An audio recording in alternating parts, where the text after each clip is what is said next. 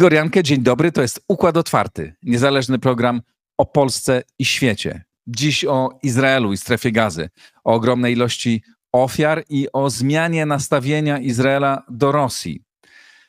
Za chwilę połączę się z moim gościem, ale zanim to zrobię, jak zawsze serdecznie pozdrawiam wszystkich tych, dzięki którym ten program istnieje, dzięki którym ten program jest niezależny. Drodzy patroni, serdecznie dzięki. Kto z Państwa chciałby dołączyć do tego grona, zapraszam. Dziękuję również mecenasom. Jeśli Państwa firma chciałaby zostać mecenasem Układu Otwartego, zapraszam do kontaktu. A teraz już łączę się z moim gościem. A oto mecenasi Układu Otwartego. OnGeo.pl Geoportal dostarczający raport o terenie z diagnozą dowolnej działki dla właścicieli, sprzedających lub kupujących. E2V firma, która zajmuje się sprzedażą zielonej energii w standardzie ESG.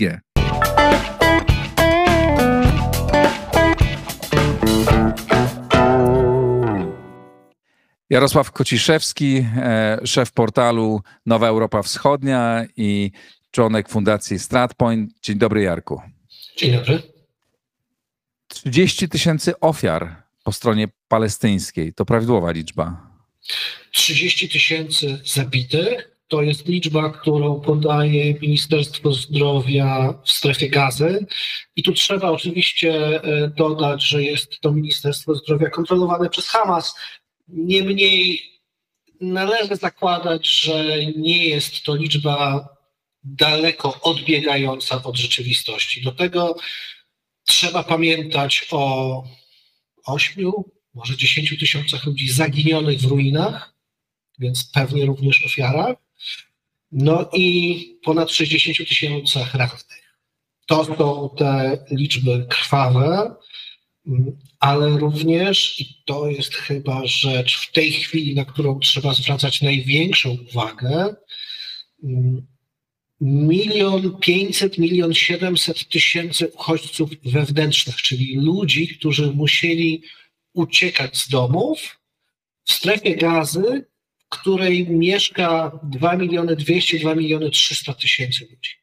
Czyli trzy czwarte mieszkańców enklawy straciło dach nad głową i, i to jest sytuacja dramatyczna. Ale oni dalej są w strefie gazy, tylko w innych miejscach. Oni są w strefie gazy. Część nadal pozostaje w północnej części strefy gazy, tam gdzie ciężkie walki na samym początku izraelskiej interwencji się toczyły i nadal tak naprawdę trwają. Natomiast zdecydowana większość uciekła na południe strefy gazy albo na wybrzeżu, to jest taki obszar mm, na południowo-zachodnim krańcu strefy gazy, który izraelska armia wskazała, albo w mieście Rafah, na samej granicy między Gazą a Egiptem i wzdłuż linii Filadelfii, to jest taka strefa właśnie rozdzielająca strefę gazy od, od Egiptu. Tam mówimy o no, większości mieszkańców strefy gazy, czyli ponad półtora miliona ludzi tam w tej chwili jest. Jakie tam są warunki? Jednym słowem dramatyczne.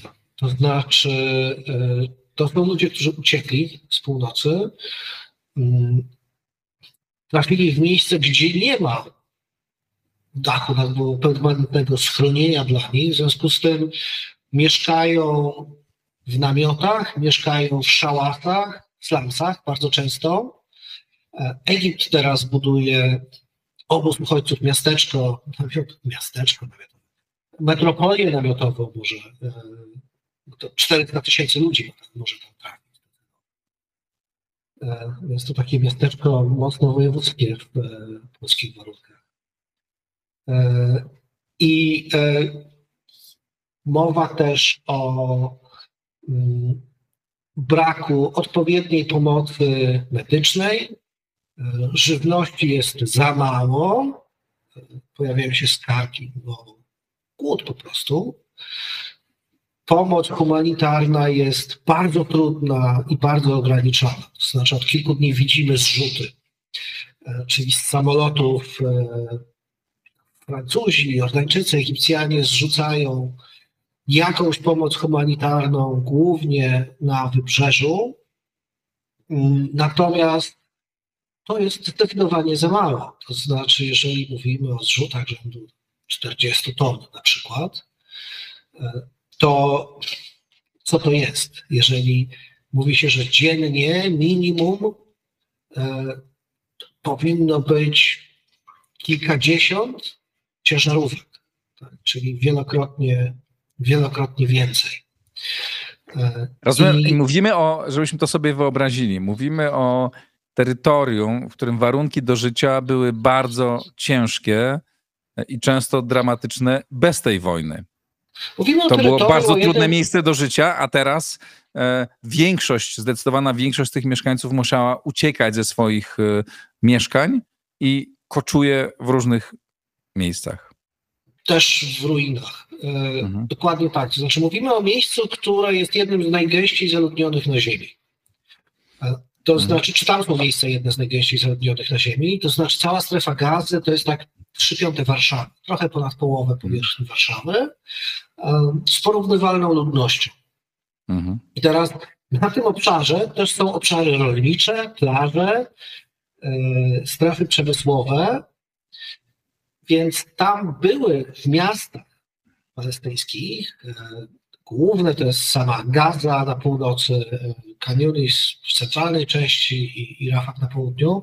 We wszystkich tych miejscach są obozy uchodźców, były obozy uchodźców i to są takie dzikie dzielnice, które wyrosły na obozach uchodźców powstałych po 1948 roku. I to są miejsca zagęszczone w sposób niewiarygodny. To znaczy mówimy o 100-120 tysiącach ludzi na kilometrze kwadratowym. Znaczy to jest zupełnie e, niewyobrażalne. I teraz wiele z tych miejsc już było trudnych do życia, tak jak wspomniałeś kłopoty z infrastrukturą, problemy z wodą, zatruta woda i tak dalej, i tak dalej. To znaczy, każdy możliwy problem, jaki możemy sobie wymyślić, myśląc o miejscu od niemal dwóch dekad objętych blokadą, rządzonym przez e, ekstremistyczny reżim, bo to też trzeba mieć na uwadze, że to nie, nie była demokratyczna, niepodległa enklawa, tylko miejsce, kontrolę nad którym mm, na drodze przewrotu wojskowego przejęła organizacja terrorystyczna. I to miejsce stało się teraz, w ciągu ostatnich pięciu miesięcy, jednym z najbardziej zbombardowanych miast w ostatnich dekadach.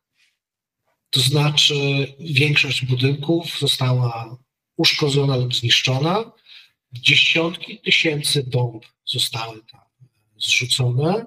O liczbach ofiar już mówiliśmy, chociaż pewnie nigdy dokładnych nie, nie poznamy, bo trudno sobie wyobrazić, jak miałyby być liczone, nawet gdyby tam się ktoś kiedyś z zewnątrz pojawił. E, no i sytuacja w związku z tym jest dramatyczna, zwłaszcza, że ta wojna trwa nadal. To znaczy nie ma I zawieszenia broni. kilka dni temu, kilka dni temu, bo nagrywamy tę rozmowę e, w piątek rano, czy w piątek przed południem, e, kilka dni temu doszło do sytuacji, w której e, żołnierze izraelscy zaczęli strzelać do cywilów i zginęło nie wiem, są różne szacunki, tak, ale około 100 osób, czy ponad, ponad 100 osób. Izraelczycy tłumaczą, jak rozumiem, że było zagrożenie ich życia, że spodziewali się, że tam przyjdzie z tamtej strony atak, ale opowiedz może ty o, o szczegółach, jak to wyglądało i co wiemy na temat tego wydarzenia. To jest klasyczna sytuacja z tej wojny. E, naprawdę nie wiemy, co się dzieje, E, mniej więcej widzimy skalę ofiar i każda ze stron przedstawia swoją wersję zaprzeczającą tej, tej drugiej. To znaczy, to co wiemy na pewno, to, że, wjechało 30 e, ciężarówek z pomocą humanitarną od strony izraelskiej do północnej części strefy gazy. Te ciężarówki zostały nie wiem jakiego tu słowa użyć, opanowane. Tłum ludzi zdesperowanych rzucił się na te ciężarówki, e, żeby de facto rozgrabić tę pomoc, no ale to są też miejsca, gdzie nie ma jasnej dystrybucji. Znaczy to, to kto miałby się tym dzielić, więc e, ta, ta pomoc została rozszarpana przez ludzi, do których i tak miała trafić. E, I wiemy, że w trakcie czy po zaczęły pojawiać się doniesienia o ponad 100 zabitych i setkach rannych. I teraz, jak zwykle, pojawiają się sprzeczne informacje, bo Izraelczycy pokazują nagrania z drona pokazujące tysiące ludzi rzucających się na te ciężarówki. Izraelczycy twierdzą, że do nikogo nie strzelali. Mm, ofiary zostały zadeptane przez tłum e, i powodem jest to, że część ofiar została rozjechana, przejechana w ciemności przez owe ciężarówki. Palestyńczycy z kolei podają wersję zgoła odmienną. Pokazują też nagranie, w którym widać czołg izraelski, słychać strzały, e, widać coś, co wygląda na wybuch, który miał miejsce przed chwilą. I Palestyńczycy, również powołując się na szkale miejscowe, mówią, że zabici są skutkiem izraelskiego ostrzału, że to są rany postrzałowe, że to są rany od odłamków. I nie ma żadnego zewnętrznego, niezależnego obserwatora, który potrafiłby powiedzieć, która wersja jest prawdziwa, a może obie są, może oba, obie te rzeczy się zdarzyły.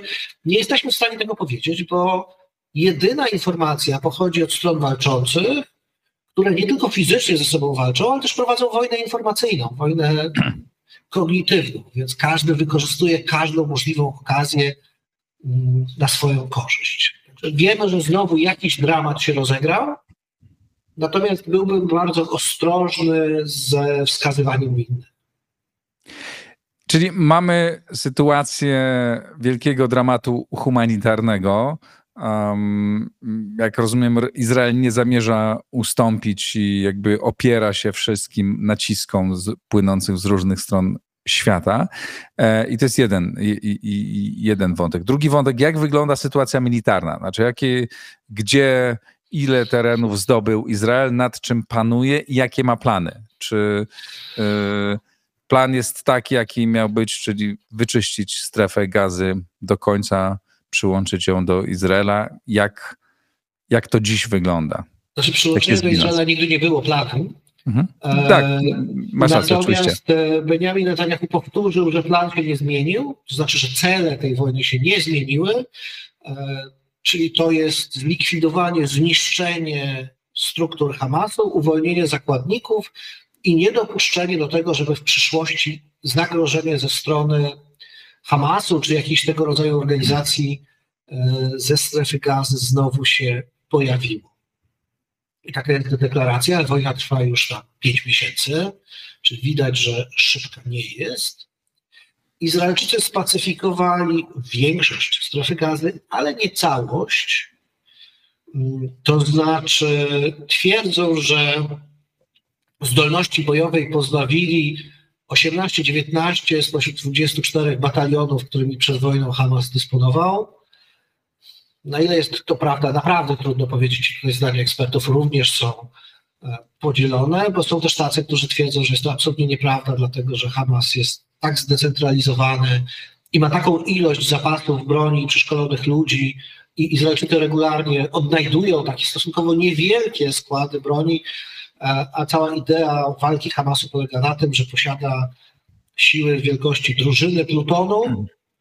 Które są w stanie nawet na terenach opanowanych przez Izrael się zorganizować, spotkać, obrać broń z jednego z tych bardzo licznych rozsianych składów, przeprowadzić atak, a potem zniknąć. Więc e, to się cały czas dzieje. Izraelczycy bardzo zmniejszyli liczbę żołnierzy, którzy w tej chwili walczą w strefie gazy. To znaczy, tu jest mowa w tej chwili o pięciu, sześciu brygadach obecnie. To jest jedna czwarta sił, które widzieliśmy na początku e, roku. Nie ma tam już też brygad e, rezerwistów. Mm, następuje jeszcze rotacja, to znaczy Część wojsk jest przenoszona do Izraela na ponowne szkolenie, uzupełnienie strat, uzupełnienie materiałów, ale także pod granicę z Libanem, gdzie istnieje ryzyko kolejnej wojny. I teraz głównym teatrem działań obecnie jest nadal Khan Yunis. To jest miasto na południu strefy gazy, gdzie Hamas był najsilniejszy. Nadal Izraelczycy nie do końca opanowali obozy uchodźców w centralnej części strefy gazy. No i wielka niewiadoma to jest Rafah, czyli miejsce, gdzie nadal siły Hamasu w zasadzie są nienaruszone, ale tam jest większość uchodźców. I teraz cały świat zwraca Izraelowi uwagę, że nie wolno wejść do Rafah, dlatego że to może skończyć się nieprawdopodobną masakrą ludności cywilnej. Izraelczycy z perspektywy wojskowej podkreślają, że nie można pokonać Hamasu nie wchodząc do, Raf do Rafah. E, z kolei Benjamin Netanyahu również powtarza, że cele się nie zmieniły, więc należy przypuszczać, że zakłada wejście do Rafah tutaj pojawia się kalendarz Zbliża się Ramadan, święty miesiąc, ważny bardzo. E, Izraelczycy trwają negocjacje, by doprowadzić do zawieszenia broni, e, które oznaczałoby uwolnienie części izraelskich zakładników w zamian za kilka tygodni przerwania walk, czyli na okres Ramadanu i uwolnienie kilkuset Palestyńczyków. Zostały niecałe dwa tygodnie, czy tydzień tak naprawdę na to, żeby to zawieszenie broni weszło w życie przed Ramadanem. Czy tak się stanie, naprawdę nie wiem. Ale jak miałby wyglądać według Netanyahu, według Izraela koniec tej wojny? Czym ona miałaby się zakończyć? E, Kiedy to znaczy, powiedzą, tak osiągnęliśmy cele? To, co oni mówią, znaczy, to jest świetne pytanie. Ja śmiem twierdzić, że Izraelczycy nawet nie wymyślili, jak ta wojna miałaby się zakończyć.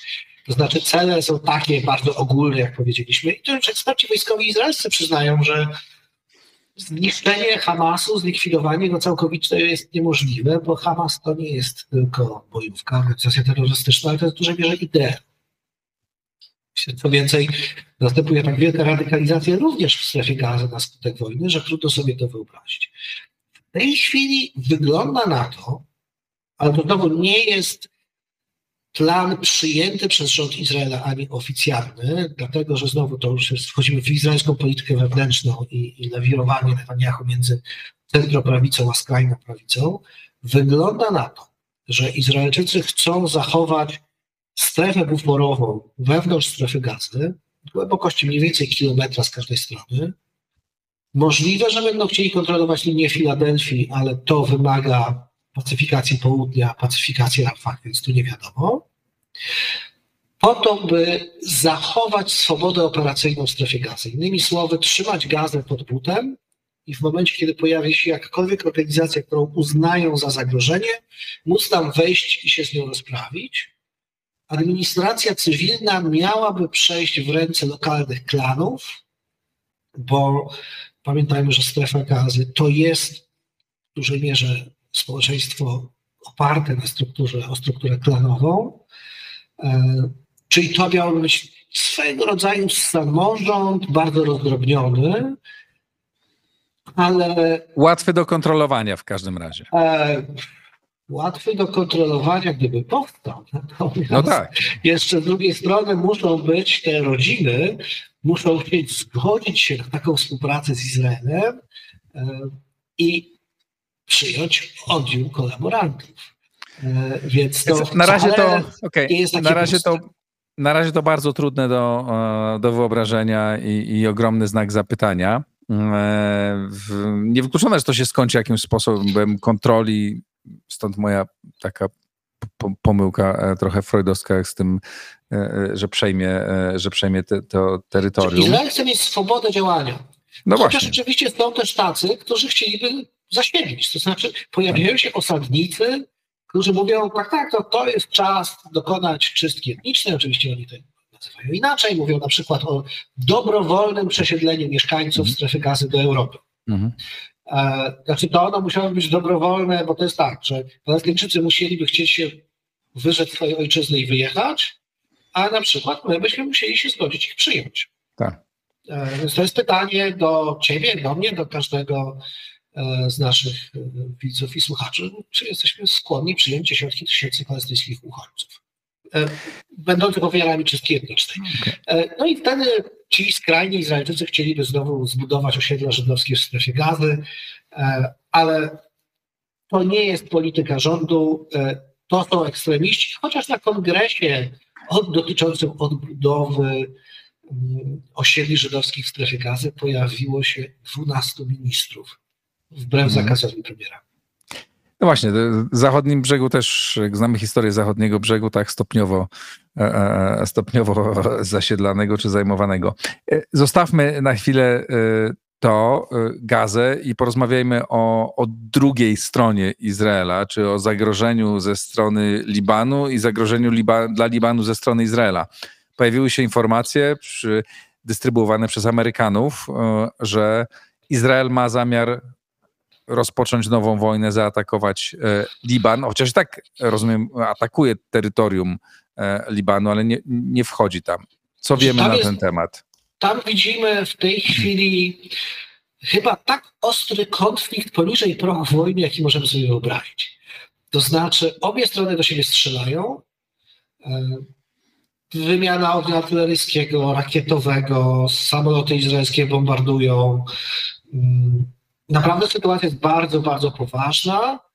E, natomiast nadal nie jest to otwarta wojna, mimo tego, że po obu stronach giną ludzie jedni i drudzy jednak ograniczają swoją odpowiedź do pasa mniej więcej przygranicznego, to znaczy Hezbollah bardzo sporadycznie atakuje cele głębiej niż 10 kilometrów od granicy. Izraelczycy zazwyczaj ograniczają swoje ataki do 20 kilometrów od granicy, chociaż w ostatnich dniach pojawiły się również głębsze. E, I o ile obie strony gotowe są powoli ten konflikt eskalować, wywierając na siebie wzajemnie presję, o tyle wygląda na to, że żadna z nich nie podjęła jeszcze decyzji o wojnie pełnoskalowej. No ale wywiad amerykański alarmuje, że właśnie podjęła, że E, podjęcia, że za chwilę to się może stać. Znaczy, to się może stać w każdej chwili. To znaczy, też pamiętajmy, że jeżeli mówimy o południowym granicy izraelsko-libańskiej, to nawet w sytuacji, kiedy tam nikt nie strzela, według ocen ONZ czas potrzebny do przejścia z sytuacji pełnego spokoju do wojny pełnoskalowej to jest 6 godzin.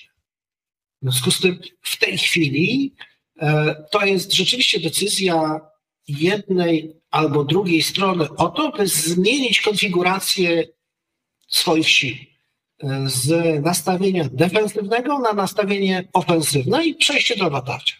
I to się I co miałoby być... może wydarzyć w ciągu kilku co godzin, być... jeżeli taka decyzja nastąpi. Jakby do, dociskam się w tej sprawie, dlatego że no, wywiad amerykański e, wypuścił takie, znaczy przekazuje takie informacje swoim władzom, a te władze te informacje upubliczniły, no bo one dlatego stąd, stąd o tym wiemy. E, skoro rozumiem, że wywiad amerykański w Izraelu ma niezły, e, e, niezły dostęp do informacji, więc jest to prawdopodobne. Co miałoby być celem takiego ataku Izraela na, na Liban? Jakby... Znaczy, to jest bardzo, zacznę od tego, że to jest bardzo prawdopodobne, natomiast samo upublicznienie takiej informacji może być nie tyle upowszechnieniem informacji prawdziwej, co metodą zapobieżenia działaniu. Jasne. To znaczy, Ale czego, dobra, jak, czy, jakie miało być to działanie? Znaczy, co Izrael miałby chcieć e, osiągnąć? Partia wojny w Izraelu jest bardzo silna i tutaj mhm. cele są bardzo podobne do tego, co Izrael chciałby osiągnąć w stosunku do, do Hamasu. To znaczy zniszczenie znacznej części sił bojowej Hezbollahu odsunięcie Hezbollahu od granicy. To znaczy już po 2006 e, roku po tak zwanej II wojnie libańskiej nowa rezolucja ONZ zakładała, że sił zbrojnych Hezbollahu przy granicy nie będzie i ONZ będzie w stanie to zagwarantować. To się kompletnie nie udało. I teraz e, Izraelczycy chcieliby, mówiąc brutalnie, wybić Hezbollahowi zęby i odsunąć od granicy. Natomiast mamy do czynienia z bardzo poważną organizacją To znaczy, i to te liczby mają wielkie znaczenie. W 2006 roku, przystępując do wojny, tak naprawdę pierwszej wojny arabsko-izraelskiej, której Izrael jednoznacznie nie wygrał, e, Hezbollah miał arsenał szacowany na 15 tysięcy rakiet. Teraz szacuje się to na 130 tysięcy rakiet różnego rodzaju, w tym bardzo nowoczesne pociski przeciwpancerne, e, pociski manewrujące, drony itd. Tak itd. Tak Wówczas Hezbollah dysponował siłą około 5 tysięcy ludzi, w tej chwili mowa jest o 60 tysiącach. Także Izraelczycy wiedzą, że w przypadku konfliktu również poniosą ogromne straty. Już teraz z pogranicza, z pasa przy granicy Izraelczycy ewakuowali 80 tysięcy ludzi. To są z kolei uchodźcy wewnętrzni w Izraelu. Natomiast Izraelczycy w swoich symulacjach, na przykład w komunikatach do szpitali w północnym Izraelu, e, aż po Hajfę, Hajfie, Akko i, czy Metuli, Kiryat Szmona i kilku innych e, miejscowościach. E, Izraelczycy zakładają, że te miejscowości po pierwsze mogą zostać odcięte de facto od reszty kraju. Szpitale mogą, muszą być przygotowane do przyjmowania tysięcy ofiar i działania wyspowego. Czasem bez dostępu do e, prądu elektrycznego, do, do, do energii elektrycznej. Także Izraelczycy zakładają bardzo, bardzo trudny scenariusz, ale z drugiej strony również grożą, że ich odpowiedzią będzie zrównanie z ziemią Libanu. To znaczy, jeden, jeden z polityków izraelskich jasno powiedział, że e, zrobią w Bejrucie to, co zrobili w Gazie. Także groźba jest bardzo poważna dla wszystkich i stąd moim zdaniem e, obawa przed podjęciem decyzji o wojnie pełnoskalowej. E, I myślę, że nadal w Izraelu taka decyzja nie zapadła, a Amerykanie robią wszystko, co mogą i robią to od 7 października, czyli od rozpoczęcia wojny między Izraelem a Hamasem, czyli od napaści Hamasu na, na Izrael, żeby tej wojnie zapobiec. I takie przecieki wywiadowcze, moim zdaniem, również mają e, temu zapobiec. Podobnie Amerykanie zresztą zrobili, próbując zapobiec napaści Rosji na, na Ukrainę. Jeżeli no tak. sobie przypomnimy, to te przecieki również miały pokazać Rosji, że Zachód wie, w związku z tym spowodować, żeby to się nigdy nie ziściło. To porozmawiajmy o ostatnim wątku tej rozmowy, który być może mógłby być pierwszym, e, bo jest bardzo ciekawy, czyli zmianie nastawienia Izraela do Moskwy, do Rosji. E, mamy tu do czynienia z, tak, mamy tu do czynienia z taką zmianą, która wygląda na strategiczną, e, która słabo nie odbiła się e, jakoś w świecie, a zwłaszcza u nas jakimś dużym echem, ale powiedz mi, czy rzeczywiście to jest poważna zmiana i z czego ona wynika i opowiedz, gdzie została dla, gdzie została zaanonsowana podczas... Znaczy, Moim zdaniem jest to zmiana fundamentalna. E, świadczy o niej przemówienie ambasadora izraelskiego na zgromad, podczas Zgromadzenia Ogólnego ONZ. E, przemówienie niesłychanie emocjonalne, e, w którym ambasador wskazał Rosję jako e, zbrodniczego agresora, który napadł na Ukrainę. To jest absolutnie fundamentalne. I teraz ciągnąc to dalej, e, Izraelczyk podkreślał, że tak samo Izrael musi się bronić przed zbrodniczą napaścią, jak Ukraina e, broni się przed zbrodniczą napaścią Rosjan, że nas jest oś zła z Rosją, Iranem, organizacjami terrorystycznymi, Hamasem itd. Tak itd. Tak e, I to są słowa, zupełnie niespotykane. To znaczy, jeszcze rok temu minister spraw zagranicznych Izraela, dokładnie rok wcześniej, e, odwiedził Ukrainę i Buczę i stojąc nad grobami, zbiorowymi mogiłami ofiar zbrodni rosyjskich, nie nazwał sprawców. Pochylał się nad losem niewinnych ofiar, mówił o, o cierpieniach, o zbrodniach, tylko tam żadnych zbrodniarzy nie było. Ani razu podczas tej wizyty nie padło oskarżenie wobec Rosji, co zresztą było też potem widać w bardzo chłodnym przyjęciu przez prezydenta Załońskiego. I teraz Izraelczycy nie tylko w sposób bardzo emocjonalny wskazują na Rosję jako na zbrodniczy reżim, to jeszcze poinformowali o e, pomocy udzielanej, pomocy wojskowej dla Ukrainy. To znaczy Izraelczycy poinformowali, że pomagają Ukrainie w stworzeniu systemu wczesnego ostrzegania, który ma być systemem obrony, częścią systemu obrony powietrznej Ukrainy.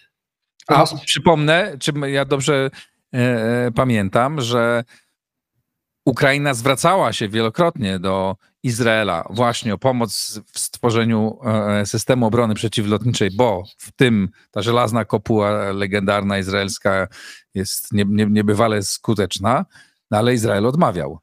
Izrael skutecznie odmawiał. Izrael odmawiał jakiejkolwiek pomocy militarnej wprost. Ograniczał się do pomocy humanitarnej, raczej mniejszej niż większej, utrzymując dobre relacje z Rosją, starając się Rosji nie antagonizować. E, I, I to nagle się bardzo zmieniło. No, rozumiem, że powody tego były takie, że z jednej strony jest wielu mm, Rosjan mieszkających, ludzi pochodzenia rosyjskiego, mieszkających e, e, w Izraelu, bardzo duża część tej, tej populacji. Z drugiej strony no, Izrael jakoś współpracował z Rosją w kontekście Syrii. E, czy prowadził jakieś rozmaite negocjacje, tak? I to było bardzo znaczy, ważne. Ja od, się... pozwolę, pozwolę sobie odrzucić w ogóle ten pierwszy, ten pierwszy element. Aha. E, Uważasz, to nie ma znaczenia? To nie ma żadnego znaczenia. To znaczy. E, znaczy dwa, co, dwa miliony wyborców, którzy mogą czuć się emocjonalny związek z Ukrainą. E, z, z, Ukrainą, z Ukrainą, a nie no, z Rosją? Oczywiście. Oczywiście, że z Ukrainą. To znaczy, to są ludzie, którzy pochodzili ze Związku Radzieckiego w dużej mierze z Ukrainy. To znaczy, mhm. E, ale przecież była też emigracja taka bardzo współczesna. Nie, no jasne, tylko że oni uciekali, ale to oni wyjeżdżali z Rosji nie z okay. powodu miłości do Rosji. Okej. Okay. No. Znaczy, gdyby byli mhm. wielkimi rosyjskimi patriotami, to raczej by zostali w Rosji. Okay. Poza tym jest to społeczność, która świetnie się z izraelskim społeczeństwem zintegrowała. Nie ma już czegoś takiego jak partie rosyjskie, mające mhm. jakikolwiek wpływ. Mhm. To są ludzie, którzy się rozpłynęli po całym spektrum politycznym i spektrum izraelskiego życia, e, od lewa po prawo, od partii świeckich po religijne, od aszkenazyjskich po sefaradyjskie, e, są po prostu wszędzie. To ciekawe, powiem ci, dlaczego, być, dla, mhm. dlaczego dla mnie to nie jest takie oczywiste, ale oczywiście to wynika z, z braku mojej wiedzy, e, no bo nie wiem, Polacy też wyjeżdżali e, w ciągu, powiedzmy, od momentu wstąpienia do Unii Europejskiej, tak? E, setki tysięcy, a nawet miliony Polaków opuściło Polskę, a nie dlatego, że nienawidziło tej Polski, tylko dlatego, że w Londynie można było lepiej e, zarabiać, tak? No w Izraelu też można było lepiej żyć niż w Rosji, co dla mnie nie oznacza automatycznie niechęci do, do swojej byłej ojczyzny, ale mówisz, że tak, że znaczy, jestem w błędzie, pierwsze, że tak nie jest. Oczywiście, że niekoniecznie to jest niechęć do byłej ojczyzny i są tacy, którzy za Rosją tęsknią. Jasne, że tak. W tak ogromnej społeczności tacy też się znajdą. E, ale e, mówimy o setkach Izraelczyków i weteranach izraelskiej armii, którzy walczą, ale po stronie ukraińskiej, a nie rosyjskiej. Mhm. E, to znaczy, Izraelczycy giną za niepodległą Ukrainę, a nie za Rosję. I takich przypadków jest dużo. Pewnie już kilkudziesięciu Izraelczyków zginęło w tej wojnie. Okay. Co więcej, to dlaczego... są tacy, którzy tam walczą i teraz walczą w gazie. E, jestem w kontakcie z takim Izraelczykiem, który dokładnie to robi. I na przykład on jasno mówi, że e, nie spotkał wśród swoich kolegów na froncie w gazie nikogo, kto sprzyjałby Rosji. E, natomiast do, oficerowie, jego dowódcy proszą o to, żeby tłumaczył stronę ukraińską. E, duża część tych Żydów, których nazywamy Rosjanami w Izraelu, to są Żydzi, którzy pochodzą z Ukrainy i dla nich Ukraina jest tą drugą ojczyzną. Co więcej, w odróżnieniu od Polaków jednak mm, tu jest pierwsze wyjazdów do siebie dla Żydów bardzo wielu. Izrael jest państwem żydowskim w tym, w tym rozumieniu. Mhm. Polacy jeżdżący do Wielkiej Brytanii nie są tak u siebie jak Izraelczycy czy Żydzi przyjeżdżający do Izraela. Poza tym to jest też kolejne pokolenie, to znaczy ta wielka migracja Żydów z byłego Związku Radzieckiego to są jednak początki lat 90. ubiegłego wieku. Okej, okay, Więc... zostawmy. Dobrze, to wytłumacz proszę, z czego o, wynika ta zmiana. Czy Izrael uznał, że po prostu jest tak krytykowany na całym świecie, że musi się przyłączyć jednak do obozu tego silniejszego, a ten obóz silniejszy pod przywództwem Stanów Zjednoczonych y, jest antyrosyjski, proukraiński. Tak, tak obstawiam. To znaczy związki e, Izraela z Rosją wynikały z sytuacji w Syrii. Z tego, że e, Izraelczycy po prostu woleli utrzymywać ten kanał komunikacji, e, nie narażać się Rosjanom, E, bo zawsze jest Syria i tutaj to jest ryzyko i dla nich, dla Izraelczyków to jest, to jest priorytet. I teraz nie mam wątpliwości, że tak wielka wolta i zmiana strategiczna musi być związana z jakąś ceną. To znaczy z jakiegoś powodu Izraelczycy doszli do wniosku, że jednak opowiedzą się po jednej stronie wojny z Ukrainie, opowiedzą się po stronie Zachodu, e, i tu możemy analizować. To znaczy, lista priorytetów izraelskich jest dosyć jasna. Najważniejszy dla Izraela jest Iran i zapobieżenie e, budowie przez, budowaniu przez Iran broni nuklearnej, e, ograniczanie wpływów Iranu. To jest absolutny priorytet strategiczny dla Izraela. Na miejscu drugim są relacje z Zatoką Perską.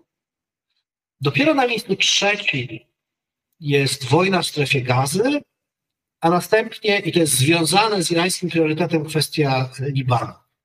Teraz ja bym obstawiał, że Izraelczycy z jednej strony chcą odbyć trochę krytyki, ale to też nie jest krytyczne. Znaczy Izraelczycy byliby w stanie prowadzić tę wojnę tak, że mierząc się z krytyką i ją kompletnie ignorując.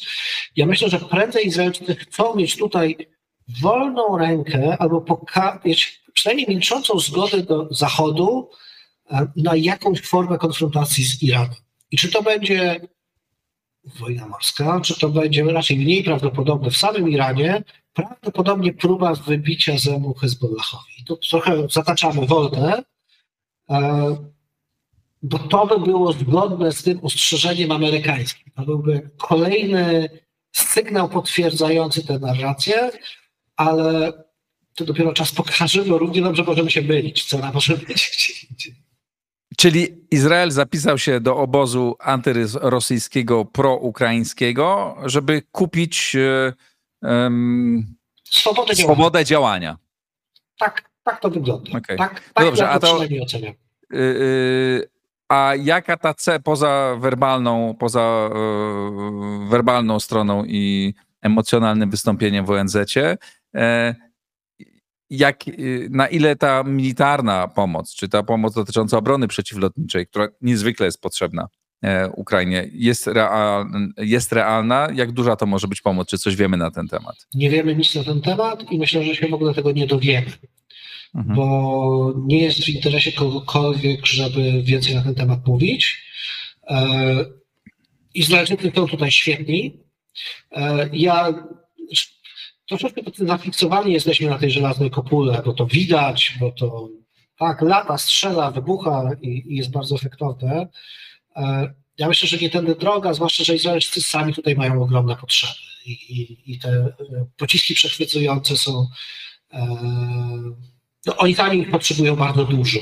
A jeżeli ma być wojna z Hezbollahem, to będą potrzebowali ich wielokrotnie więcej ale jest, są całe obszary mniej spektakularne, w których Izraelczycy mogą pomóc, bo mówimy o integrowaniu systemów, e, o integrowaniu sygnałów i systemów rozpoznania, systemami kontroli, podejmowania decyzji e, i tak dalej, i tak dalej. To znaczy Izraelczycy mają tutaj ogromne doświadczenie, bo sami mają bardzo rozbudowaną, taką trójwarstwową obronę powietrzną w ostatnich miesiącach wszystkich tych trzech warstw używali.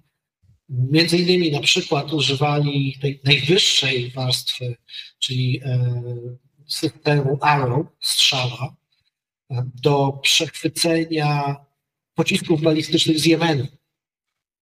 E, jest warstwa środkowa, to jest proces Dawida i ta najniższa żelazna kopuła, o której jest najgłośniej, bo najczęściej jest używana. I teraz to wszystko musi współdziałać razem, to musi współdziałać systemami ostrzegania i tak dalej, i tak dalej.